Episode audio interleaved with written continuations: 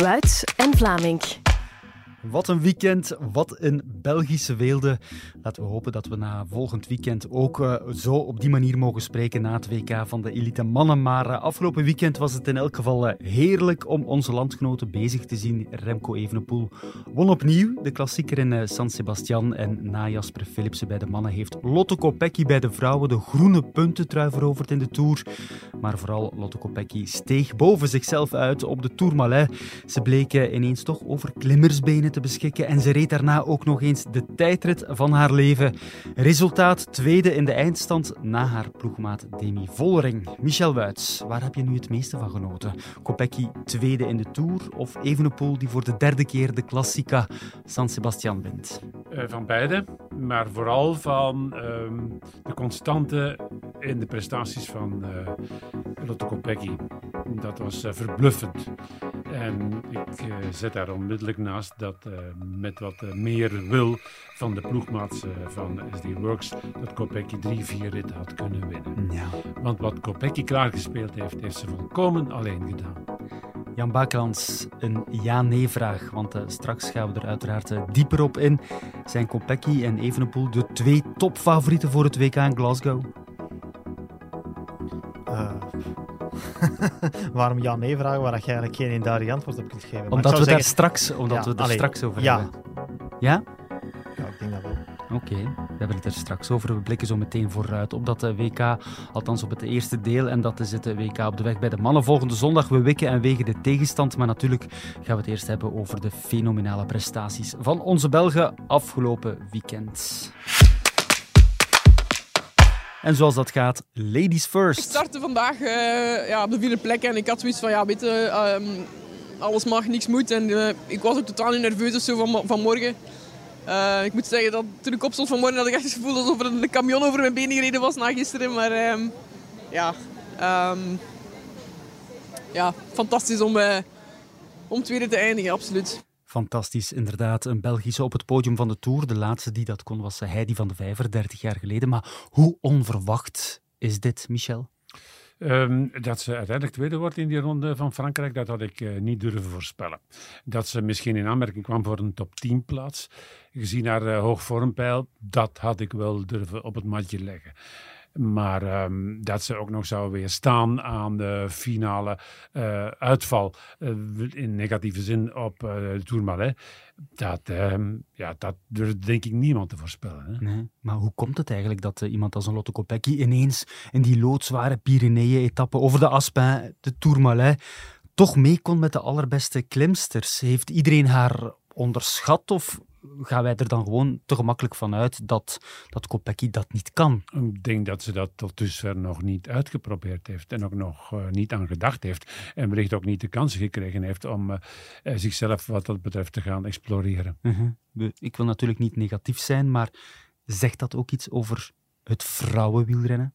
Ja, laat ons dat uh, buiten beschouwing laten. Ik, uh, ik merk vooral dat Lotte Kopecky het laatste jaar een enorme evolutie als atleet heeft doorgemaakt. En uh, dat is iets dat zich al langer doorzet. Volgens mij, vooral sinds zij bij SD Works is gaan rijden, merk ik een, een Lotte die misschien ook geconfronteerd met meer interne concurrentie binnen de ploeg, meer op haar moet zijn en blijk moet geven van een hoger vormpeil. En zo eerst ja, heeft moeten knokken vorig jaar dan om in selecties te geraken. Daar dan is ingeraakt, daar heeft bevestigd. En uh, ik zie de laatste jaren ja, een Lotte die, die, die zeker fysiek een paar stappen voorwaarts heeft gezet. Ik herinner me, ik heb zoiets een uh, klimtijdrit zien rijden toevallig. Ik was in de, in de buurt, in de Giro Donne, uh, een klimtijdrit tussen, ja, in de Valtellina-streek die aankwam in Telio niet echt een klimtijdrit, maar toch ook geen vlakke tijdrit eigenlijk. Vergelijkbaar met wat uh, profrenners uh, in de Tour voor, uh, voor de wielen kregen geschoven. En ja, um, toen kon je duidelijk zien dat dat Lotte's ding niet was. Um, maar ze heeft duidelijk heel veel stappen voorwaarts gezet. En ja, de Ronde van Vlaanderen, Strade Bianche, dat zijn ook geen vlakke wedstrijden. Dus bergop kan ze ook meer dan haar mannetje staan. En ehm, ja, eigenlijk voor de, voor de Ronde van Frankrijk had ik niet durven zeggen dat zij deze uitslagen ging rijden. Maar gaandeweg onder de Tour vond ik wel dat er binnen de pers heel veel pessimisme was over het feit waar zij uit zou komen.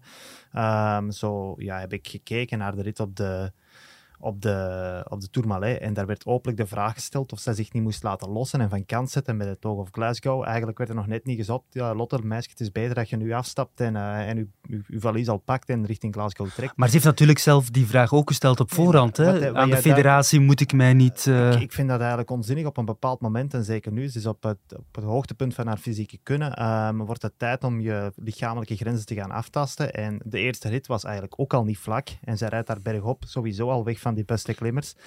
Dus je zag eigenlijk heel de week, al wat ik ervan gezien heb, altijd bergop, zat zij altijd, zelfs oké, dat zijn kortere klimmetjes, maar ze zat altijd op haar gemak. En ze zat altijd in, de eerste deel van, in het eerste deel van het peloton in de selectie.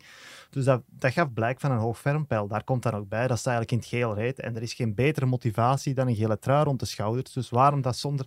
Waar, er was niks te verliezen um, met te testen hoe lang je mee kon gaan. En dat was zaterdag heel ver je moet het natuurlijk een beetje in zijn context zien. Hè. We zitten in een overgangsfase. We nemen afscheid van een generatie. Um, van Vleuten uh, is er tussendoor gezakt. Zeker um, in vergelijking met het niveau dat ze doorgaans haalt. Van der Breggen zit nu al het, achter het stuur van een volgauto. En dan uh, is er eigenlijk een hiaat en dat is nog niet opgevuld door uh, nieuwe jeugd. Je, je, kan Vollering natuurlijk daar wel als topvrouw bestempelen. Dat is er zonder enige twijfel. Maar daar is geen follow-up daar zit hem nog een beetje op te wachten. En dat vult Lotte Kopecky nu in. Hmm, dat, is nu net iets makkelijker in die overgangsfase. Maar nogmaals, wat ze doet, ja, de vergelijking wordt vaak gemaakt met Van Aert, maar dat is inderdaad Van Aerts. Dat is toch echt zo? Ja, dat is zo. En je, je kan dat nog verder doortrekken, ook op fysiek vlak. Uh, ze kan sprinten, ze kan nu ook uh, tijdrijden. En ze kan een stukje vlotter, uh, soepeler klimmen dan ze dat ooit deed. Ja, dat is zoals Van Aert ons dat geleerd heeft door bij drie, vier jaar. -hmm. Maar nu ze tweede is geworden, komen we bij dezelfde vraag uit die vroeger al eens bij Wout van Aert werd gesteld. Hè? Terwijl Van Aert uiteindelijk nog nooit op het podium heeft gestaan van een grote ronde. Kan Kopecky in de toekomst de Ronde van Frankrijk winnen? Hoe gaat die uh, Ronde van Frankrijk geconcipieerd worden? Blijft dat een ronde zoals deze met één echte bergrit? Hmm. Of gaat dat evolueren naar een uh, ronde, misschien wat langer, uh, met een paar bergritten?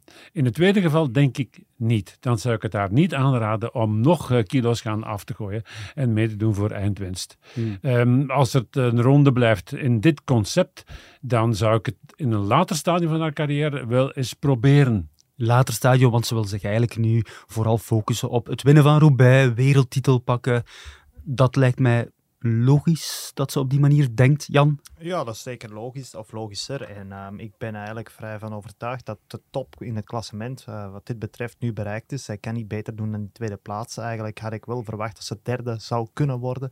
Maar tweede, um, dat lukte alleen door ja, het echt wel tegenvallen van Annemiek van Vleuten.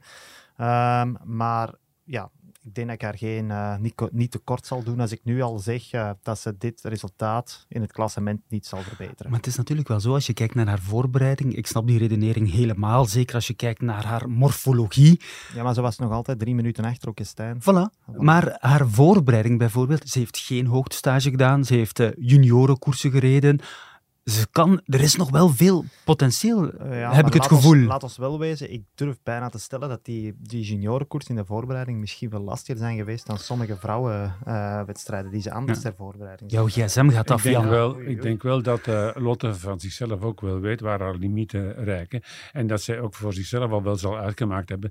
Stel dat ik uh, aan de start sta van het Giro Don hè, en ik ga daar een poging doen om te winnen. Dat wordt een ander paar mouwen natuurlijk. Ja. Dan krijg je wel drie, vier bergritten um, met de allure voorgeschoteld.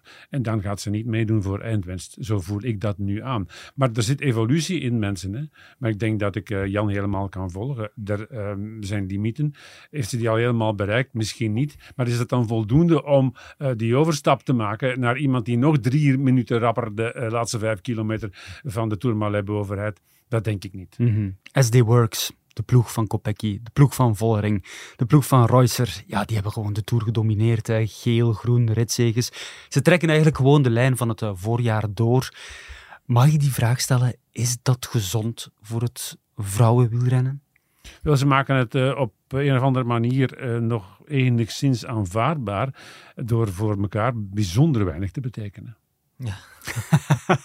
dat is wel zo, ja, want eigenlijk had Lotte Kopecky, je zei het eigenlijk in het begin van deze podcast, had nog wel wat etappes kunnen winnen. Hè? Het, het feit is ook, als ik naar die koersen kijk, ze zijn zo um, ongelooflijk sterk. Eigenlijk, allee, het, het, niveauverschil met de rest van het peloton is zo groot, dat als zij echt als team zouden rijden en een koers zouden controleren, Voilà. Ja, inderdaad, Lotte drie ritten had gewonnen. Voilà. Ja. En uh, ja, ik, ik, ik heb, ik heb uh, ja, het is uiteindelijk wel... sprints gezien die geen massasprint werden, omdat er nog iemand vooruit was. Doordat ze, ik weet niet wel, allee, er, er worden precies geen knopen doorgehaakt. Je ja. snapt er de ballen van. Het is een overwicht van zes, zeven individu's. Ja.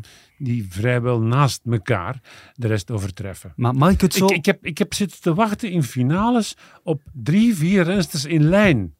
Die een tempo bepalen. Dat wordt dan vervangen door de Zwitserse mevrouw de dokter, waar bijzonder veel respect voor Reusser, en die dan in haar eentje dat gat moet dichten. En waar ik dan achteraf dan lees dat de Vollering um, zat te ruzien met andere rensters, met concurrenten, die absoluut aan het wiel van Kopecky wilden zitten. Hmm. Dat was haar plek. Dan denk ik bij mezelf, schrijf dan een plaats op mevrouw Vollering en trek zelf een lijntje voor Kopecky. Uh -huh. Maar mag ik dat zo zeggen dat uh, SD Works Lotte Kopecky doet winnen, maar tegelijkertijd, diezelfde ploeg, SD Works, doet haar ook verliezen.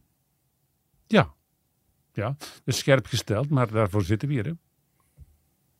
Ja, ik denk wel dat de derde plaats of de tweede plaats van Lotto deels uh, aan de ploeg, ay, toch voor een stuk ook aan de ploeg en het vertrouwen van de ploegleiding mag worden geweten. Uh, ik heb ze eigenlijk ook niet zien op kop rijden voor iemand anders, terwijl even goed die ploegleiding had kunnen zeggen um, in de zaterdagrit, um, help Reusser om dat gat met uh, Nieuw Doma te, te, te, verkleinen. En, ay, ze heeft daar eigenlijk volledig carte blanche gehad om haar limieten af te testen. Uiteindelijk is dat ook ja, een soort van een vorm van, van teamwork. Want ja, ja dat, dat, neemt, dat neemt iemand weg die uh, een deel van de workload op zich zou kunnen nemen. Hè. Ja, en dat uh, Kopecky de eerste etappe won met één minuut voorsprong, was ook omdat SD Works de koers lam heeft gelegd. Hè?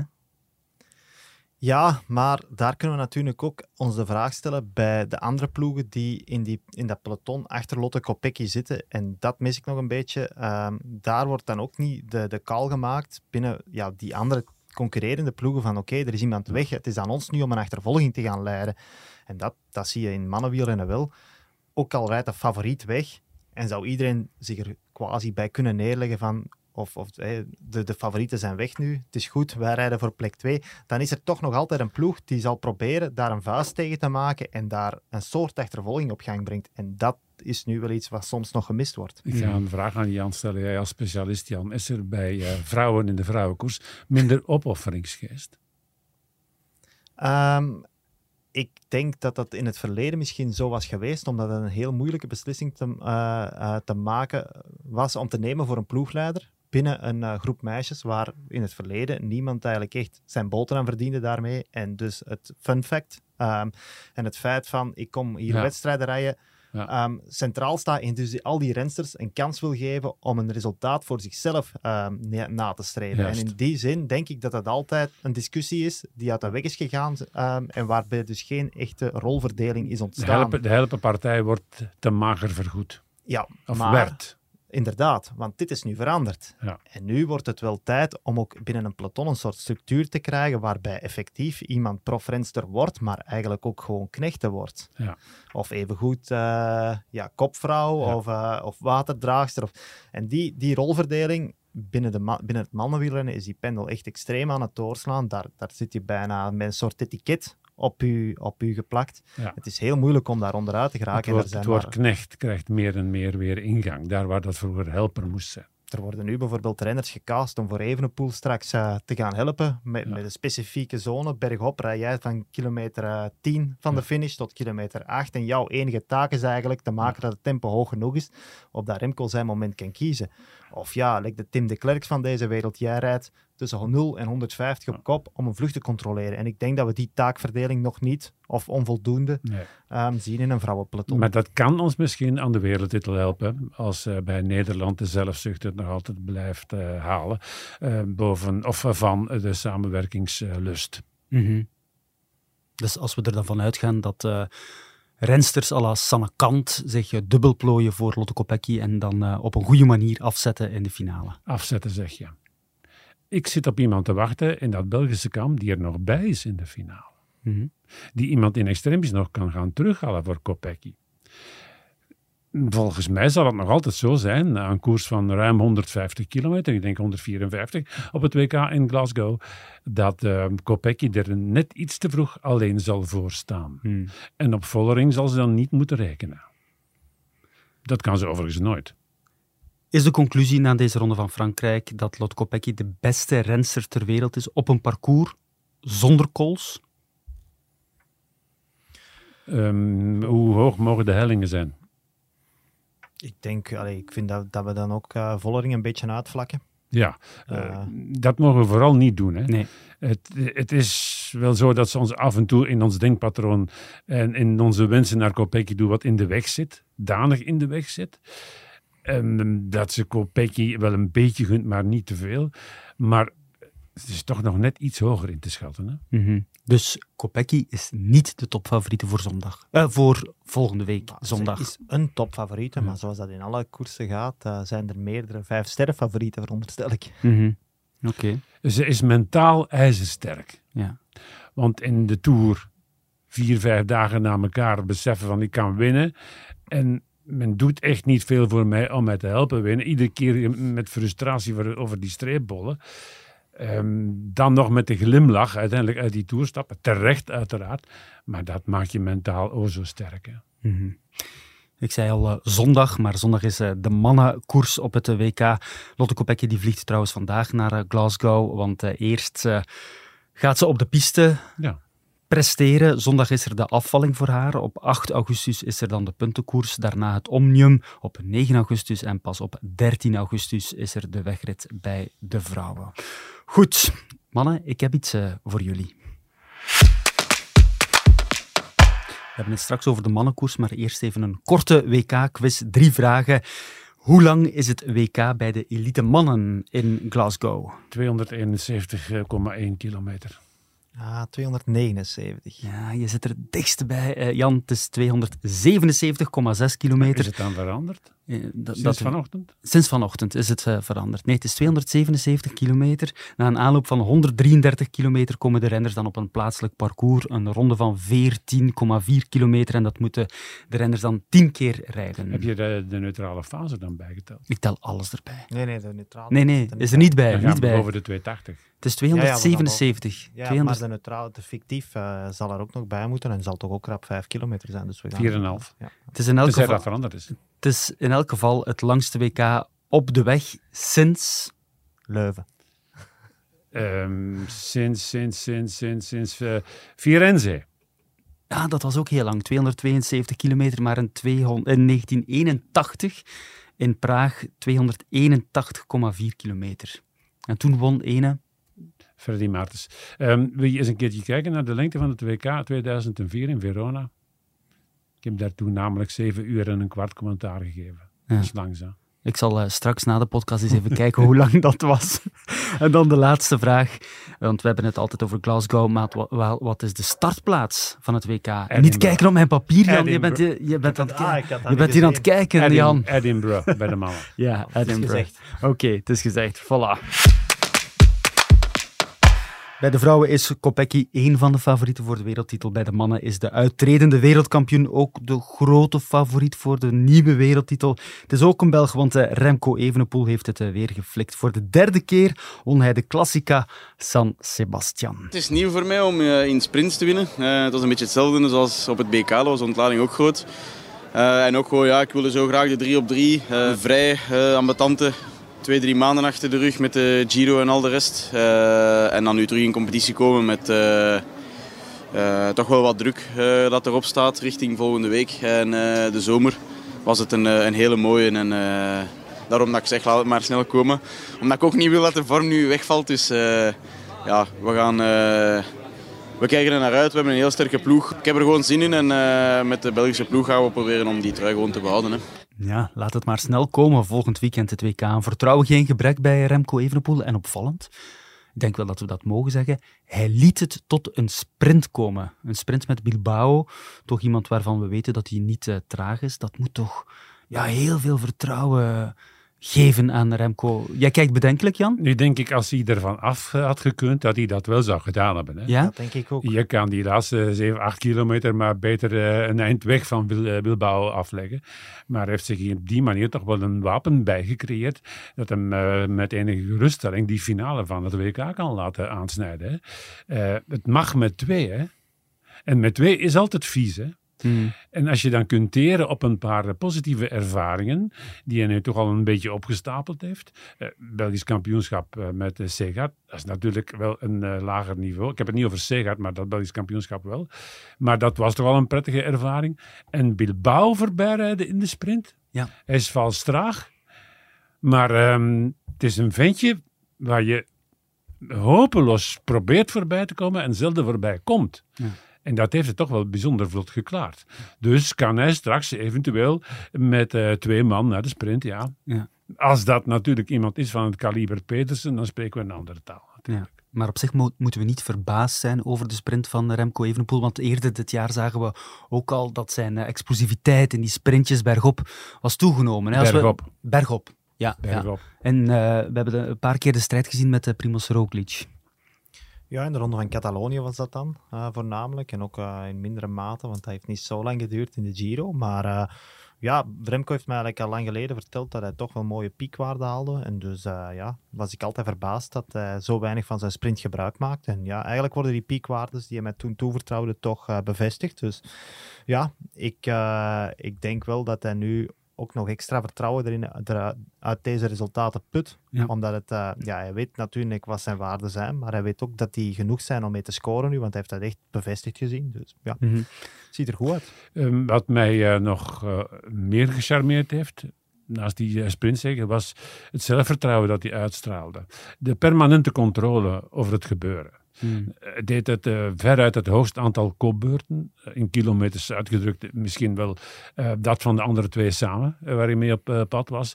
En er zat geen, geen, geen spatvermoeidheid op, geen spatverval.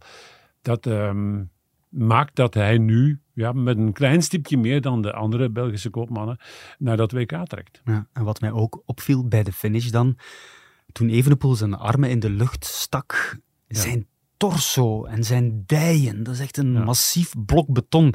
Ja. Eh, In vergelijking met een paar maanden geleden, Luik Bastenaken Luik, toen was het ook al aanwezig, maar het viel mij op. Of was dat bij jullie niet het geval? Ehm, die uitlatingen, dat was een, een, een eh, roofdier dat over de streep schoot. Gespierd ook, enorm. Ja, ik, ja, het is mij niet echt eh, opgevallen, om, ah, toch niet meer dan anders. Eh, Remco is natuurlijk geen typische klimmer. Het is geen schriel, eh, mager mannetje. Maar ja, wel iemand die, ja, die een volmaakt atleet is eigenlijk bijna. Hè. En ja, ik Hij zeg er niks abnormaal aan. Een- Ah, ik zeg ook niet dat er iets Nee, nee, nee, dat abnormaals weet, ik, is. dat weet ik, dat weet ik. Een, een bijzonder weetje, eh, ik heb het zelf ook eh, gelezen en die stond versteld.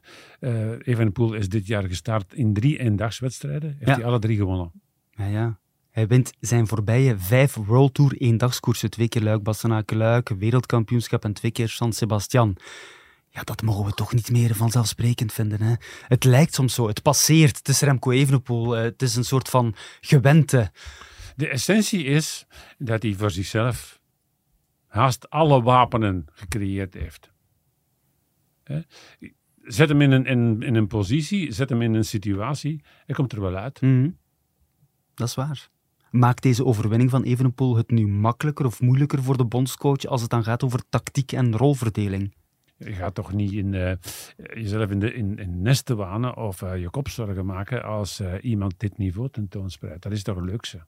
Dat is luxe, maar is het, wordt het nu makkelijker of moeilijker? Ja, ik denk sowieso dat zijn job vrij makkelijk is. Met deze lichting naar een WK trekken is toch makkelijker dan eh, met wat, eh, ja, zoveel jaar geleden. Toen het de eerste keer in Verona was en we in België eigenlijk Ja. ja. geen toppers van dit kaliber hadden. En toen gingen we eigenlijk mee om, om mee te rijden. En nu, ja, je hebt op papier, eh, ja, Jan, in Drie Verona. Verona 2004, sorry dat ik je onderbreek. nee, maar er was een tweede, een tweede laag in Verona. Er was Verona 2004 en En nadien nog eens- 99 ervoor, vijf jaar 99. ervoor. T- Daar trokken we met vijf kopmannen, vier kopmannen naartoe. Hè. Het museum met uh, Smil, met Van Petegem en Van den Broeke. Ja, maar Dat viel al- tegen, hè? Ja, Van den Broeke viel, hè? dat was, Enfin, toch in, dat was toch in verleden. 99? 99 jaar. Ja, maar de, de Verona 2004 was Ja. eh, een beetje een Daar tussen- deden we niet mee. Hè. Nee, ja, wel, ja, daar wil ik naartoe. Dus Ja. Dat was misschien eh, moeilijker voor een, Ja. voor een bondscoach om... Want het eerste jaar, in 99 inderdaad, dan hadden we een royale ploeg. Ja, natuurlijk. Van de Broeken eigenlijk een beetje met, de met de voeten van de bondscoach gespeeld. Ik vond dat niet... er werd ook nog gereden voor Van den Broeke, ondanks dat hij zijn pols toen al had. Hij Allebei. zijn beide polsen gebroken had. Maar dus in 2004 was inderdaad met een, ja, een lichting waar we eigenlijk gingen om die jongens te laten proeven van een WK, om voor de toekomst eh, uit te maken wie dat er eh, onder de druk niet zou bezwijken, ehm, hoe dat je dat aan... Allee, dat was echt een, leer, een leerfase. Hè? Ja. Terwijl nu, ja, je gaat naar het WK met iemand eh, met op, op papier ja, drie van de beste renners van de wereld. Dat is pure luxe. Hè? Maar dat eh, Evenepoel openlijk zegt en eh, zeer openlijk ook laat zien afgelopen weekend dat het kan, dat hij zichzelf eh, wil en kan opvolgen. Hoe vervelend is dat voor iemand als een Ja, Wout van Aert? Voor Wout van Aert helemaal niet vervelend. Ehm, maar ik, ik blijf er wel bij. Ik heb dat ook in de vorige podcast bij jullie gezegd, ehm, of een van de vorige, dat ik vind dat een Evenepoel, die uitredend wereldkampioen is, wel meer respect had verdiend door meer eh, volk in dienst mee te krijgen. En ehm, ja, ik denk ook wel dat Evenepoel dat gemerkt heeft. En daarom, eergierig als hij sowieso San Sebastian wilde winnen, maar dit zijn subtiele boodschap is van, kijk jongens, eh, Moeten we die opdeling nog maken?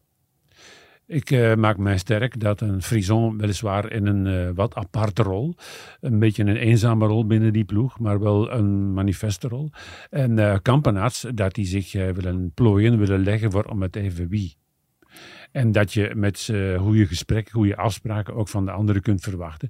En Dat ze zich eh, voor Evenepoel zullen dubbelplooien. Daar eh, maak ik niet te veel zorgen over in deze tijden. Ik denk dat eh, de bondscoach wel voldoende eh, filosofisch en psychologisch om dat allemaal in goede banen te leiden. Daar maak ik me echt niet veel zorgen over. Maar wat Van Aert betreft, Van Aert is een ultra-aandachtzuiger. Het moet eh, verschrikkelijk geweest zijn voor Van Aert om in die eerste fases van de etappes in de Ronde van Frankrijk om weg te komen en iedere keer vast te stellen van als ik erbij ben, als ik het probeer en ik wil volk dat mee eh, aansluit, dan vallen de benen stil. Als je dan naast, iemand, naast je iemand hebt van het eh, kaliber Evenepoel, dan wordt het een stukje makkelijker. Hmm. Dan kun je Evenepoel eh, die aandacht laten opzuigen. En laat Evenepoel dan maar worstelen en omgaan met die problematiek. En dan kan hij zich vanuit de lute opstellen en toestaan wanneer hij dat wil. Hmm. En bijvoorbeeld zijn koers afstemmen op eventueel Van der Poel, op eventueel Pedersen. Interessant. Maar ik vind het ook interessant wat jij zegt. Ehm, Sven van Toernout had misschien meer mannetjes voor Remco Evenepoel moeten meesturen. Aan wie denk je dan? Wie zou jij geselecteerd hebben, mocht jij bondscoach zijn? Goh, met die vraag overval je mij, Stijn. eh, maar ik had zeker Maxime van Gils meegepakt. Ik vind dat hij dat gezien zijn, zijn eh, prestatieniveau dit seizoen wel verdient. En dat is iemand die misschien meer past in, eh, in het profiel van Remco Evenepoel. En voor de rest had ik natuurlijk, maar ik veronderstel wel dat dat gebeurd is, of ik mag het toch hopen, ehm, aan Remco gevraagd wie hij zelf er absoluut bij wilde vanuit zijn eigen ploeg. Hmm. Misschien ook een Quinten Hermans. Ik vind het heel vreemd dat Quinten bijvoorbeeld er Maar niet bij is. Ik ben akkoord dat hij een jaar wel, minder is. je, noemt, je noemt wel jongens die niet in die ploeg zitten. Dat is wel een veeg teken, hè? Dus vind je niet Ja, meteen maar- eh, zo iemand eh, voor de hand liggend vanuit de ploeg van Soudal Quickstep om mee op te stellen bij Evenepoel? Eh, Zou je serie meegenomen hebben?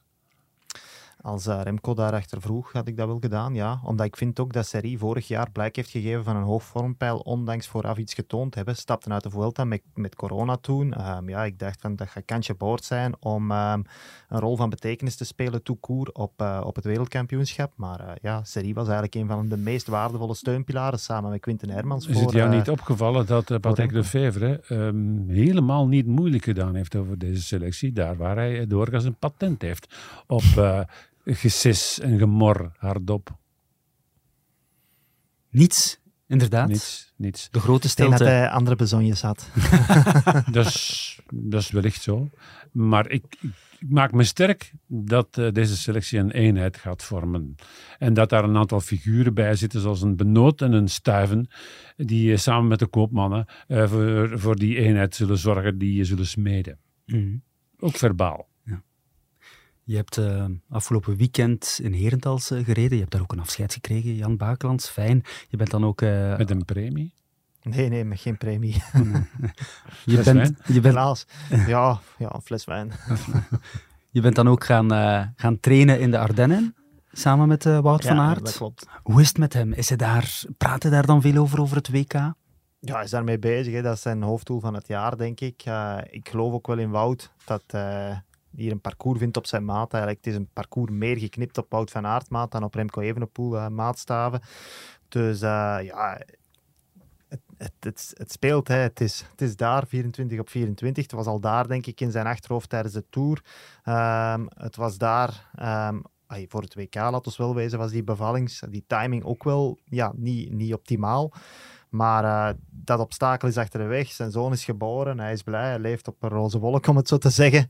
En uh, allee, ik denk dat, de, dat, dat, we een heel sterke Wout van Aert gaan zien in WK. Is hij gefocust? Hij is heel gefocust. Sprak je er veel over? We zijn uh, vrijdag naar Dardenne gegaan en we, ja, we moesten zes, tussen de zes en de zeven uur trainen. Um, hij vroeg of ik meeging, omdat dat best vervelend is. Uh, dat, daar ben ik van overtuigd om dit uh, op deze moment van het jaar in dit weer alleen te moeten gaan doen. Maar ja, zoals Wout dat doet, het métier, allee, de, de serieus in de arbeid is, is, is altijd daar. En ja, we hebben zes uur in, ja, eigenlijk in, in de regen rondgereden. Maar mm -hmm. ja, hij heeft, heeft, geen moment uh, Slaapt hij goed? Gezicht, uh, en wat, wat heeft hij jou nu verteld wat wij nu nog niet weten, maar absoluut moeten weten?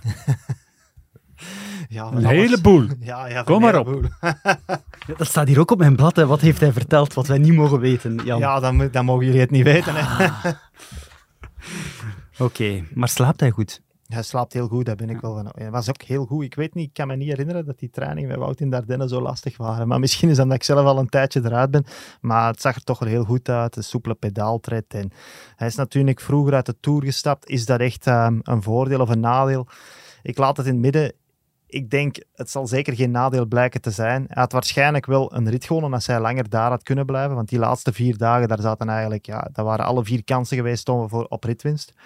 Maar aan de andere kant, voor het WK maakt dat misschien dat hij net voor die vermoeidheid eruit is gestapt. Nu thuis toch um, meer um, alle parameters controlerend, nog echt kan toeleven naar, uh, naar dat wereldkampioenschap. En ik, uh, ik ben wel echt benieuwd. Ik denk uh, dat, dat de sterren gunstig staan. Mm -hmm. Ik denk dat het belangrijk is dat dit een soepele geboorte was. Bij de geboorte van George waren er wel wat problemen. En hij heeft die ook op, op, zich geladen. En dat is nu niet het geval. Dus kan hij nu met een free spirit naar Glasgow. Mm -hmm. Dat denk ik wel, ja. ja. Zo zag maar ook uit. Hij gaf ja. echt een ontspannen indruk. Ja. Moet Wout van Aert zondag niet zo vroeg mogelijk proberen weg te rijden als hij wereldkampioen wil worden? Um, dat is niet gemakkelijk. Ik, ik ga ervan uit dat de situaties zullen gecreëerd worden, niet door de Belgen. Ze mogen dat voor mij, hè, als ze dat op een verstandige manier doen en uh, niet wat uh, voorbarig gaan handelen. Maar er zijn andere teams die daar een patent op hebben, mm. omdat die een uh, bondscoach hebben die bulkt van het karakter. Um, ik denk bijvoorbeeld aan de Fransen. De Fransen rijden à la façon de Veuclair. Dat is nu toch al een paar jaar het geval. Ik denk dat de omloop van Leuven, dat is wat uh, onze bondscoach hier nu gezegd heeft uh, bij de vorige podcast, dat hij uh, dicht aanleunt bij Glasgow, of zeg het voor mijn part andersom. Um, laat de Fransen dan maar woelen, hè.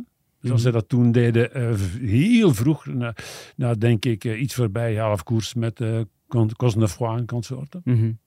Vorige week was de bondscoach inderdaad uh, hier te gast in deze podcast. Sven van Toornhout, er werd over verschillende scenario's gepraat voor de Belgen op het WK. En er is één scenario dat de bondscoach natuurlijk niet wil. Je probeert, op voorhand moet je inderdaad wel uh, een aantal dingen zeker proberen uitsluiten. Dingen waarin, het, situaties waar we zeker niet mogen in terechtkomen. Kan je een voorbeeld geven, Sven? Ja, achter de feiten is er één van. Ik mm. uh, bedoel, als er een groep ontstaat met, uh, met mannen als, um, als Van Baarle en een Laporte en een Bettiol en um, noem maar op. En we zitten daar niet met een van onze potentiële kandidaat-winnaars. Ja, dan hebben we een probleem. Dan hebben we een probleem. En om dat scenario te vermijden, zou je toch meteen denken dat de Belgen zondag toch de koers moeten controleren.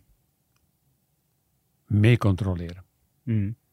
Want er zijn natuurlijk nog inderdaad... Mee controleren enkele andere sterke formaties. In de ik, ik, DNA. ik, maak, ik maak mij sterk dat, dat, um, dat het voor Van Aert onderweg in een uh, WK van uh, net geen zeven uur, dat je dan wel eens de tijd hebt om een babbel te slaan met Van Baarle. Hmm. Kennen elkaar, hè? Heel goed. of met Laporte. Ja, eigenlijk is dat um, zoals biljarten, hè. Eigenlijk die koers, die ballen bij de start, die, die liggen in die driehoek. En dan uh, wordt een eerste aanstoot gegeven. Alles komt overal een beetje terecht. Dat is uw uitgangssituatie. En eigenlijk, als het vanuit die uitgangssituatie, waar al die ballen verspreid liggen, het interessantste is om achteraan, zelfs al noem je dat, achter de feiten aan te gaan rijden, controle te nemen en die vluchten gaan controleren, dan is dat geen ramp, want je hebt jongens bij die dat daarvoor aangeraad zijn. Integendeel, soms is achter de feiten aanrijden of op kop moeten rijden in het peloton zelfs heel vruchtbaar, want je weet tenminste ten allen tijden wie waar zit en wat die aan het doen is. En je hebt zelf in de hand dan of je trager of sneller gaat rijden. Als je daarentegen één pion in een kopgroep hebt van tien man, dan mag dat nog van aard zijn bijvoorbeeld, dan hang je wel in, in sterke mate af van de benen van de dag van Wout van Aert of Remco Evenepoel of Jasper Philipsen of Jasper Stuyven of Ties Benoot, maakt me niet uit. En dat wisselt altijd een beetje. Achteraan zit de rest een beetje gevangen in de ploegtactiek. En daarom, met een heel sterke ploeg, is het eigenlijk vaak niet slecht om de, de situatie, het moment waarop een koers zal ontploffen, zelf te gaan creëren. En daardoor zeg je dan, er gaan toch altijd, je, moet, je start daar eigenlijk in met het idee van, er gaan er op een gegeven moment toch wegrijden. En de opdracht is eigenlijk van daar niet bij te zijn, want degene die we zouden meesturen, ik veronderstel dat het aan schaduwmannen zouden zijn, genre Ties Benoot, die willen we eigenlijk in het peloton houden, want we gaan die gebruiken in plaats van mee te zijn, om achteraan de situatie te creëren, het lanceerplatform voor Remco, voor Wout, of misschien zelfs allebei. Er is altijd een bepaald moment in zo'n WK waarin er een vlucht weggaat, waarin de behoefte aan een landgenoot vooraan uiteraard groot is, maar die behoefte moet dan ook nog eens versterkt worden door een afwerkerspotentieel. Mm. En dan zit je goed. Want dan worden andere landen die uh, niet vertegenwoordigd zijn vooraan nerveus. Maar is het allemaal voorspelbaar? Hmm. Nauwelijks. Nauwelijks. Doorgaans draait een WK uit op beslissende vlucht in de op één na laatste ronde. Zeven van de tien, je kan er gif opnemen. Um, is dat zo? Is dat dan die vlucht waar de wereldkampioen uitkomt? Vaak. Soms is het nog zo dat er toch nog een samenkomst is waardoor er gesprint wordt. Maar de jongste jaren steeds minder. Vorig jaar was een voorbeeld dat er helemaal haaks op stond.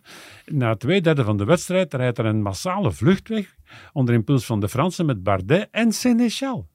En wie kwam daar waar Rempel ergens midden in het pakket plots een kopje boven steken? Evenepoel. Het spel was gedaan. Afgelopen. Het spel was gedaan. Wollongong. Dus voorspel dat maar allemaal. Hè. Mhm. Maar je moet sluiks in die juiste vlucht zitten. Ja. Maar als ik dat allemaal hoor, die onvoorspelbaarheid, wat normaal is tijdens een WK, als ik dan kijk naar de Belgische ploeg met een Jasper Philipsen, die kan sprinten, met een Wout van Aert, die op verschillende manieren kan winnen, met iemand als een Remco Evenepoel. Wat een luxe. Ja, maar het is wel zo, een uh, Ronde van Frankrijk-etappe, daarin kun je uh, het verloop mee creëren, hmm. forceren. Ja. Zie van Aert, die deed dat dag na dag bij wijze van spreken. En naast letterlijk. Bij een WK is het zo dat als een rit van de Ronde van Frankrijk eindigt, begint het WK. Dat is 277 kilometer hoor ik nu vandaag. Ja. Een doorsnee rit in de Tour, dat is 180. Hè? Dat is een wereld van verschillen. Ja, Natuurlijk, dat zit ergens in, in de intensiteit waarmee dat wordt gereden vaak. Als dat niet is, dan krijg je zo'n dingen als in Leuven. Maar dat neemt dan nog altijd niet weg dat eigenlijk gewoon het punt waarop het beslissend wordt, de aanvallen gewoon vroeger vallen.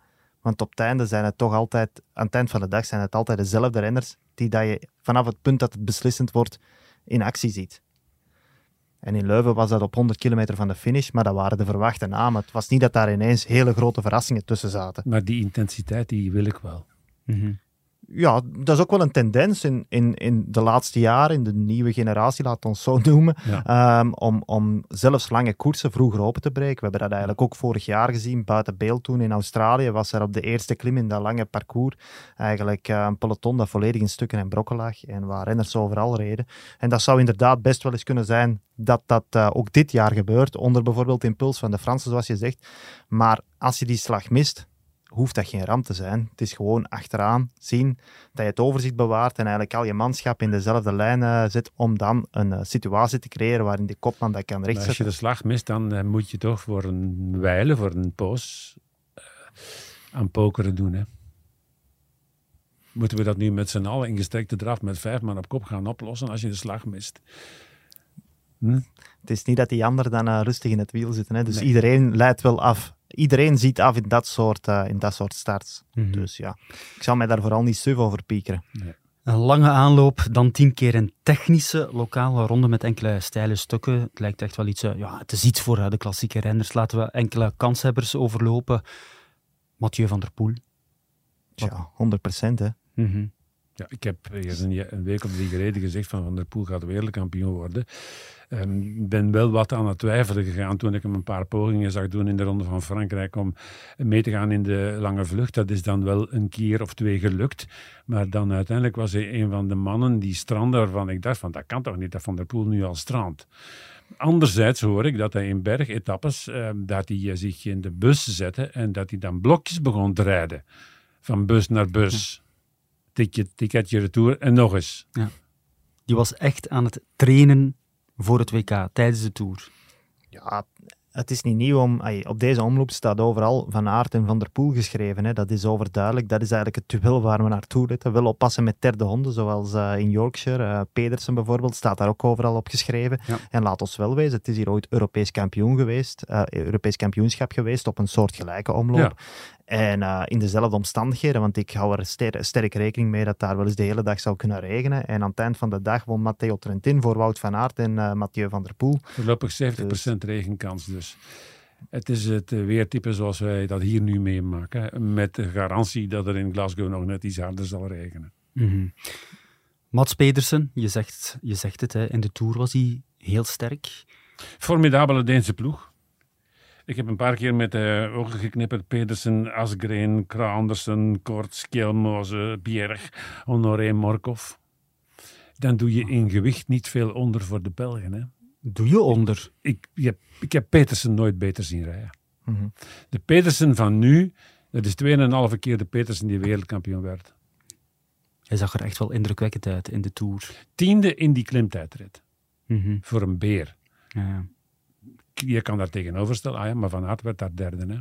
Ja, intrinsiek vind ik Wout van Aert ook een betere renner nog. Een nog betere renner dan, uh, dan Pedersen. Maar dat neemt niet weg dat uh, Pedersen misschien ergens de luxe heeft van minder polyvalent te zijn. Waardoor het voor hem ook vaak makkelijker kiezen is. En als hij kiest, uh, wel um, toch vaak trefzekerder is in het, in het echt afwerken. Je merkt ook, en dat kan zeer interessant zijn voor het verloop van de koers, dat uh, Mes Pedersen vorig jaar al, maar nu ook nog meer in deze Tour, voor de lastige oplossingen kiest. Zich niet laten meedrijven, maar ook mee koers maken. Mm -hmm. En zeer uh, nadrukkelijk ook op geaccidenteerd parcours. En Glasgow is geaccidenteerd, zeker die uh, plaatselijke ronde. 42 bochten. Ja, de 14 kilometers, kilometer. de kilometers alleen al zullen het geaccidenteerd maken. Hè. Ja. En, uh, Er liggen in de laatste kilometer nog vier bochten. ja, dat klopt. Daar heb ik het met Wout over gehad. Die uh, vertelde mij een beetje hoe de laatste kilometers eraan toe gingen. En ja, dat Mag je dat zeggen, ja, van hem? Ehm, ja, ja, dat is, eh, iedereen kan dat zien. Hè. Maar zei- inderdaad, hij het- hij daarover? zei wel dat, eh, dat zelfs als het massasprint zou worden, het hij echt ja, bijna in de eerste vier moest zitten om überhaupt een kans te maken. Je kwam bij- blijkbaar boven op een kleine knik. Ja. En dan boven was direct links of rechts. Dan direct daar naar eh, de andere richting uit. En dan een soort ja, afdaling richting meet. En er was eigenlijk maar een heel korte laatste rechte lijn. Dus in, bij nattigheid was het zo technisch dat het eh, sowieso op het lint terecht kwam. En dat er eigenlijk geen rechtzetten aan was vanaf tiende positie. Dus Ja. Ja. Regen en veel bochten. Uh, de bondscoach zei hier bij de vorige podcast: sprint, groepje, no way. Mhm. We zijn, Maar dat zo vind ik dom, niet- we zijn zo dom geweest om daar niet op in te pikken. ja, dat Hoe, vind ik niet wat. consequent. Want als je dat zegt, waarom neem je dan Philipsen mee? Toen ben ik gaan, beginnen gaan na te denken. Dan moet je eigenlijk concluderen dat Philipsen uh, mee in, in de ondernemingsrol moet.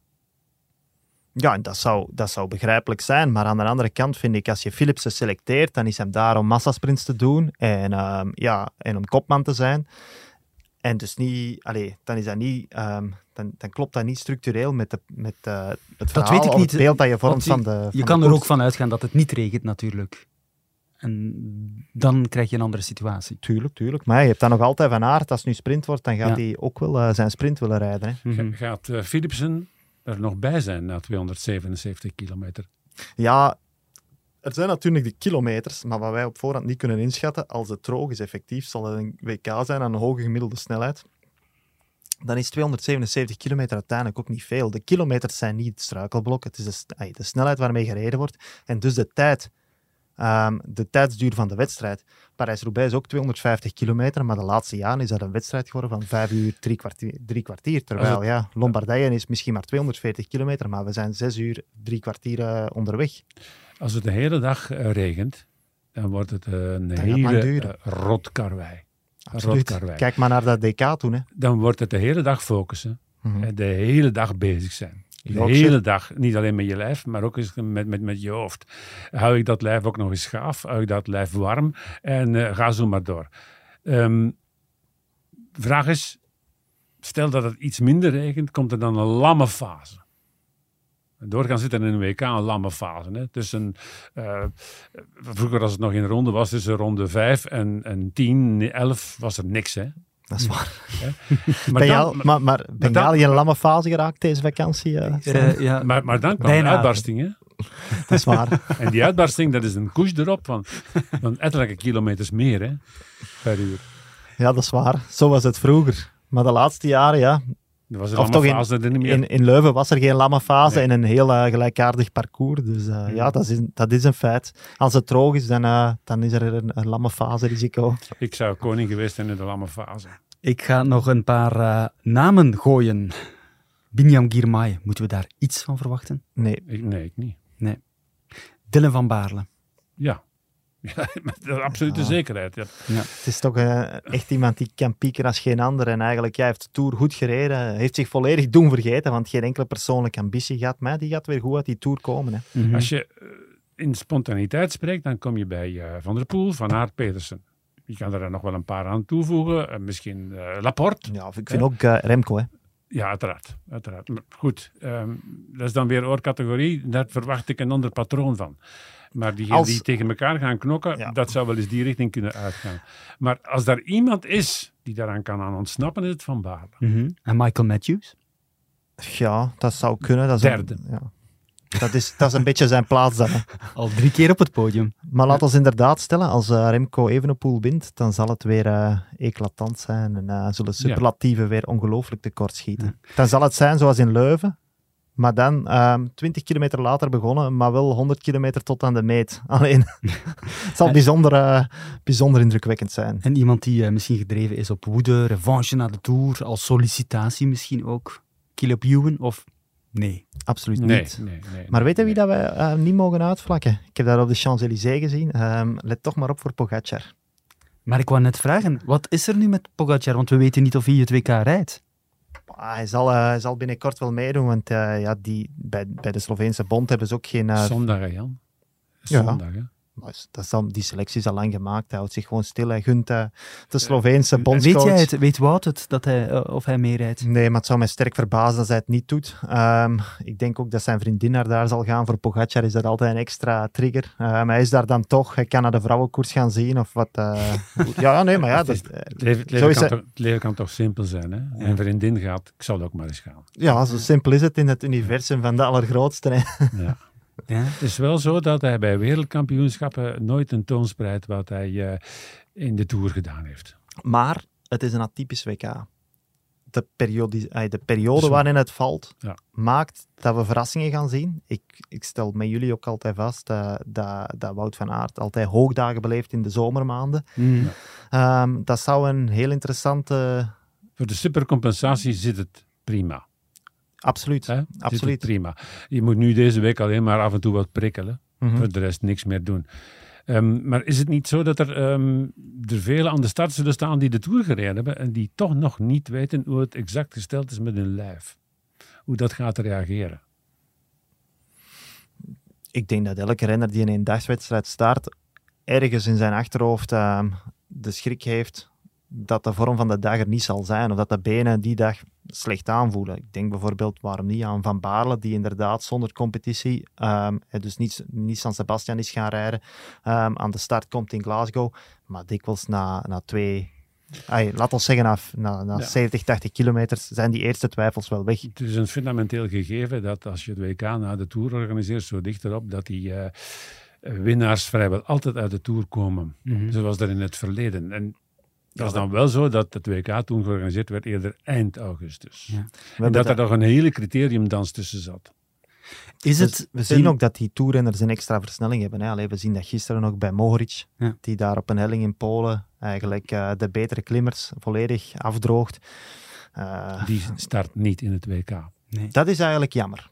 Dat was echt iemand eh, die... Het is een parcours waar improviseren eh, tot heel veel kan leiden. En ja, iemand die bij uitstek een koers kan lezen en kan inspelen op situaties. Vaak de, ehm, de, de zetten van de machtsblokken wat voor is, is, is Ja. toch voor mij Mohoric. Het was zo'n typische renner waar je moet naar kijken om mee te zijn als Belg. Ja. Ja, ja is er niet. Nee, hij is er niet. Maar is het een realistisch scenario dat we zondag uiteindelijk naar een duel gaan tussen Remco Evenepoel en Tadej Pogacar als hij start?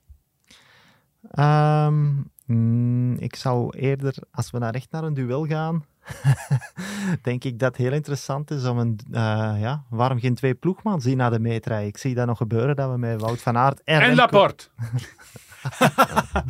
Dat zou ook zomaar kunnen. maar Wout en Remco samen naar de meet, Ja. dat is ook iets dat zeker eh, zal meespelen. Doe mij maar van Aert Laporte. Dat zou mooi zijn, ja. Ja. Hoe wordt dat opgelost? En Laporte eh, die eh, een goede meter voor de streep afstapt en met een eh, brede accolade zegt van... Nu is het voor jou, "Appelez-vous, Wout. monsieur Van Aert. Nee, nee, maar even over Tadej Pogacar. Ik ben echt wel benieuwd. Kan die wereldkampioen worden? Tuurlijk. Ja. Tuurlijk wel. Tuurlijk En wel. inderdaad is Remco Evenepoel zeker een bondgenoot ehm, voor de manier van rijden van, eh, je, haalt wel eens, je, haalt wel eens, van, van Pogacar. je haalt wel eens je gram als je ernaast gepakt hebt. Hè. Of je haalt wel eens je gram in een WK als de Tour wat minder was. Mhm. Ik ga niet weer heel ver teruggrijpen, maar Merckx won wel de Tour in de Ronde van Frankrijk in 71, maar ook kan je had hij altijd moeten winnen. Die viel in de afdaling van de Col de. Merckx heeft het in zijn kop gestoken van ik moet eh, laten zien, ik moet punten op de i zetten. En die heeft ze in Mendrisio, in het WK, allemaal ja, flarden genoeg naar gereden. huis gereden. Oké. Interessant, benieuwd. Goed, heren, ik ga afsluiten met een eh, tweede korte WK-quiz. Wanneer vond het allereerste WK wielrennen plaats? In 1929 11. of 1930? 21 21. in Kopenhagen. Maar ja, het is Nee, nee. voor discussie vatbaar. De Zweed Gunnar Skolt, Ja, alleen amateurs. amateurs hè? Ja, ja, oké. Het was een individuele tijdrit. Wie is de laatste Belg die twee wereldtitels na elkaar pakte? Ehm, Dat zal Rick van Looy geweest zijn. Klopt. In 60 en 61. 60, 61. En De daarvoor... Sachsenring en in Bern. Ja, klopt. Van Steenbergen, 56, 57. En daarvoor... Ehm, Achiel Buizen. eh, George Ronsen. Drie op drie, Michel. Helemaal juist. Dus Remco Evenepoel kan de vierde Belg worden die twee wereldtitels na elkaar pakt. En dan nog een laatste, de moeilijkste vraag. Wie wordt zondag wereldkampioen? Goed, ehm, nu we toch in de flow zitten. Evenepoel. Alright. Allee, Wout van Aert. Wout van Aert. Staat genoteerd. Michel Wuits, Jan Baaklands, dank u wel. U ook bedankt om alweer te luisteren en heel graag tot volgende week. Wuits en Vlaming.